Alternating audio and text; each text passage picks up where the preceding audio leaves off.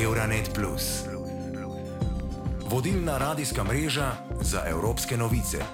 Tokrat smo se v Euronet Special Green Deal lotili aktualne božične okrasitve. Umetna ali naravna smrečica, klasična osvetlitev ali sodobna let tehnologija.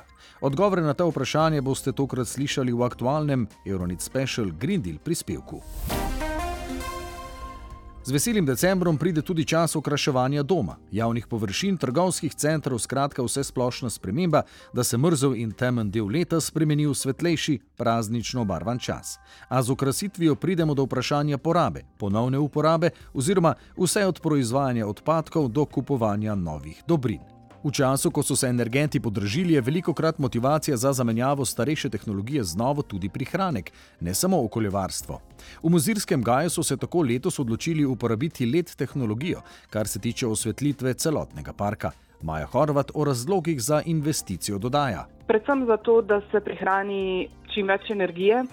Dejstvo je, da ravno letos je prišlo veliko vprašanj v tem smislu, kako smo sploh lahko prižgali našo božično bajko, vendar ravno zaradi 100-odstotne let tehnologije je poraba energije pri nas zelo majhna, nekje 8 kW na uro. Celotni projekt porabi, to je približno toliko kot poprečno slovensko gospodinstvo. In vseeno smo se, smo se odločili, da letos ne bomo povečevali števila lučk, 1,7 milijona jih je zasvetilo tudi tokrat. Za let tehnologijo smo se pa v bistvu poleg samega vrčevanja odločili tudi zaradi tega, ker so lučke v našem parku, kjer nam ogromno pomeni narava in se te tudi ne pregrevajo in tako ne poškodujejo naših rastlin, dreves, grmičev, ja, gredic. In ko ste se odločili za nakup osvetlitve, ste ponovno pred vprašanjem, kaj pa božično drevo, umetno ali naravno. Ob tem je seveda vredno vprašati, kaj je do okolja in kaj pa denarnice dolgoročno bolj prijazno. Matjaš Mastnak, sodelavec Arboretuma Vauči Potok, je po poklicu univerzitetni diplomirani inženir gozdarstva in kot strokovnjak glede dileme med umetnim ali naravnim drevescem razmišlja takole. Ja, zdaj, eh, pri umetnih smečicah je seveda eh, treba imeti v mislih, da je to eh, plastičen proizvod, katerega izdelava pač zahteva toliko in toliko vode, energije in bi rekel, da kdo jo že ima in mu je všeč, naj jo uporablja še naprej. Ne, je to gotovo bolj trajnostno. Pri kupovanju teh um, smrečic za, za večno bi pa morda um, zagovarjal bolj uh, Eh, torej zelene žive smečice, ker imajo tudi čisto drugačen učinek v prostoru. Torej, živa ali eh, posekana smečica ima von, ima svežino, torej prinese en kos narave tudi v dom. In tu bi želel povedati tole. Tiste smečice, ki so bile pridelane, posekane tako, da imajo v Sloveniji tudi plombo zavoda za gozdove, so bile zagotovo odzete iz narave na način, da naravi čisto nišče škodijo. Potem pa, ko njihov čas mine, jih je seveda treba torej, zrezati v biološki odpad. Ali pa, če smo doma na državi, seveda te stvari tudi potem pokurimo. Problem je seveda, če se sami odpravimo v gost in po svoje posekamo, kar nam pride pod roke. To škodi tako naravi kot lastniku gozda. Matjaš Mastnak zato ob tem izpostavlja, da. Gotovo je eh, to eh, divje plenjenje v naravi neprimerno, konec koncev gost ima svojega lastnika in če karkoli iz njega odnesemo, se spodobi lastnika vse vprašati, če ne dobiti izvestnega dovoljenja. In ker so ljudje eh, do smečic bistveno bolj nepopustljivi ne kot do svojega lastnega videza, govorim na splošno, želijo iz gozda imati samo najlepše, najbolj brezhibne smečice, če grejo v gost sami. Kar pa seveda pomeni, da torej, vzamejo zaradi tiste primerke, ki so najlepši, najboljši grajeni in s tem dejansko delajo škodo. Eh, še enkrat pravim, torej naj eh, selekcijo oziroma izbiro eh, tistih smečic, ki bodo posekane, opravi gozdar, pa ne bomo naravno čisto nič slabega storili. In če smo se že odločili ter kupili naravno drevo, potem se ga, kot izpostavlja inženir gozdarstva Matjaš Mastnak. Ja, zdaj, eh, pri umetnih smečicah je seveda eh, treba imeti v mislih, da je to eh, plastičen proizvod, katerega izdelava pač zahteva toliko in toliko um, vode, energije in bi rekel, da kdo jo že ima in mu je všeč, naj uporablja še naprej. Ne, je to gotovo bolj trajnostno. Pri kupovanju teh um, smrečic za, za večno bi pa morda um, zagovarjal bolj. Um, torej zelene žive smečice, ker imajo tudi čisto drugačen učinek v prostoru. Torej, živa ali pa posekana smečica ima von, ima svežino, torej prinese en kos narave tudi v dom.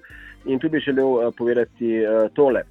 Tiste smečice, ki so bile pridelane, posekane tako, da imajo v Sloveniji tudi plomo zavode za gozdove, so bile zagotovo odzete iz narave na način, da naravi čisto nišče škodijo. In uh, lastnik, ki je bodi si te smečice posekal na nekem travniku, ki ga zarašča, ali pa v, na neki gozdni površini, kjer je smečice uh, posekal v okviru nekega uh, rečenja, bo zato lahko dobil uh, nekaj uh, dodatnega prihodka, ne? ni pa, če to kupimo, del uh, narave v, svoj dom. Tako da bi predvsem rekel, da smečice, ki so pravilno odzete iz narave, narave čisto nič ne škodijo. Potem pa, ko njihov čas mine, jih je seveda treba torej, zrezati v biološki odpad ali pa če smo doma na državi, seveda te stvari tudi potem pokurimo. Ob božičnem drevesu pa je seveda pomembno pomisliti tudi na okraske in, kot že prej omenjeno, tudi na lučke, ki naj bodo, če se le ta let tehnologija da uporabiti, zaradi manjše porabe energije, za kar vam bo hvaležna tudi denarnica. Predvsem pa premislimo, preden kupimo kaj novega, morda se kje najdejo še starejši okraski, ki so le potrebni kakšne osvežitve, ali pa popravimo kaj in s tem prosti čas spremenimo v druženje. Uporaba dreves v obredih in okraševanju pa sega še v poganske čase. Šele v nemškem srednjem veku so drevesce povezovali z božičem, vendar je zdaj trdno zakoreninjeno v naših evropskih tradicijah. Mnogi med nami samodejno povezujejo ta praznovanje s tem, da dobimo drevo, ga okrasimo z lučkami, okrasimo s kroglicami. Vse te navade okraševanja in običaji, od ovojnega papirja do električnih okraskov, petard in božičnih drevesc, pa ustvarjajo veliko odpadkov in negativno vplivajo na okolje portugalska ekoaktivistka Joana Guerra Tadeu. Vsako leto zavržemo 1200 ton borovcev. To je veliko borovcev. Karkoli naredite, če imate umetne borovce, naj trajajo. Na portugalskem zavržemo 54 ton božičnih lučk. Najprej prosite ljudi, naj svoje božične lučke odložijo na mesta za recikliranje električnega blaga, ko jih zavržejo. Potem ne pozabite, da jih je mogoče popraviti, zato jih poskusite popraviti, preden jih zavržete. Če božične lučke zavržete, kupite led božične lučke. Prihranili boste 80 odstotkov energije v primerjavi z drugimi lučkami. In mimo grede, na portugalskem vsako leto zavržemo tudi 12 milijonov zvitkov ovojnega papirja. Rešitev bi lahko bila tudi ponovna uporaba umetnega drevesa. Toda v vsakem primeru se prepričate, da ste tudi sami dovolj kreativni glede okraskov.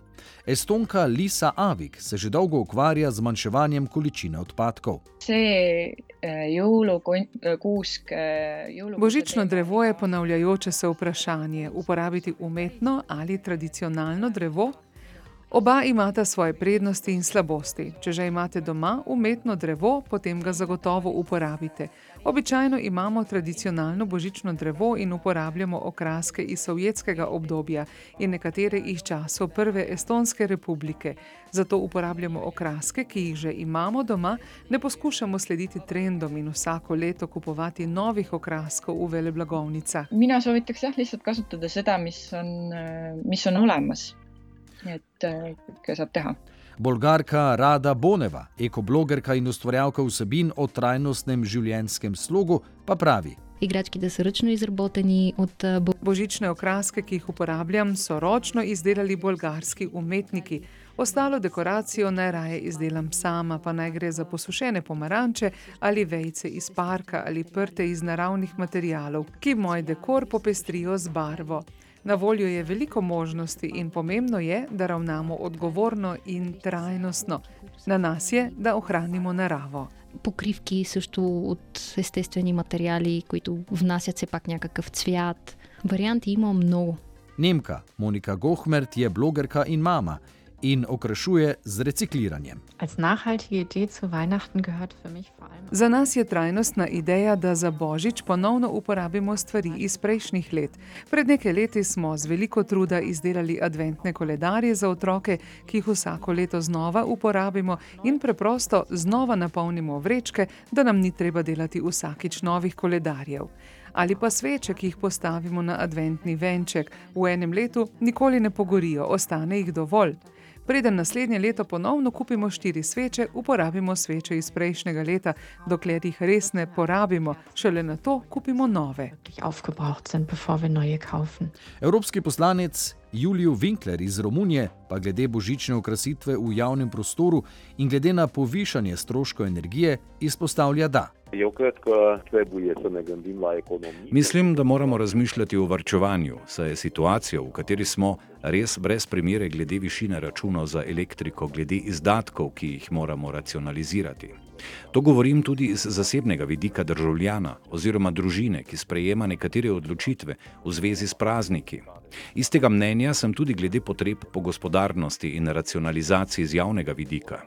Po drugi strani pa je praznik, božič enkrat na leto. Zimske počitnice, Silvestrovo, novo leto in tako naprej tudi. Zato mislim, da je želja tistih lokalnih oblasti, ki želijo obeležiti ta trenutek, naravna in pozitivna. Tudi odločitev za analizo stvari je naravna. Kaj visi na drevesih, kaj je prikazano, okraske in luči se naj ne kupijo za eno leto naj se ponovno uporabijo. Narejeni so bili izračuni, oziroma upam, da so bili narejeni takrat, ko so se pred leti odločali pri javnih naročilih glede ponovne uporabe razsvetljave in okraskov, kupljenih z javnim denarjem. Tako, spoštovani, praznikov nočemo in jih tudi ne bomo odpravili. Temu primerno pa tudi ne okraševanja. Lahko pa, kot že sami veste, pazimo na količino odpadkov, ponovno uporabljamo okraske ter popravimo kakšne lučke. Glede božičnega drevesca pa je izbira seveda vaša, a naj se vsako leto ne spreminja. Pazite na se in na naravo, pa lepe praznike. Euronet Plus za boljše razumevanje Evrope.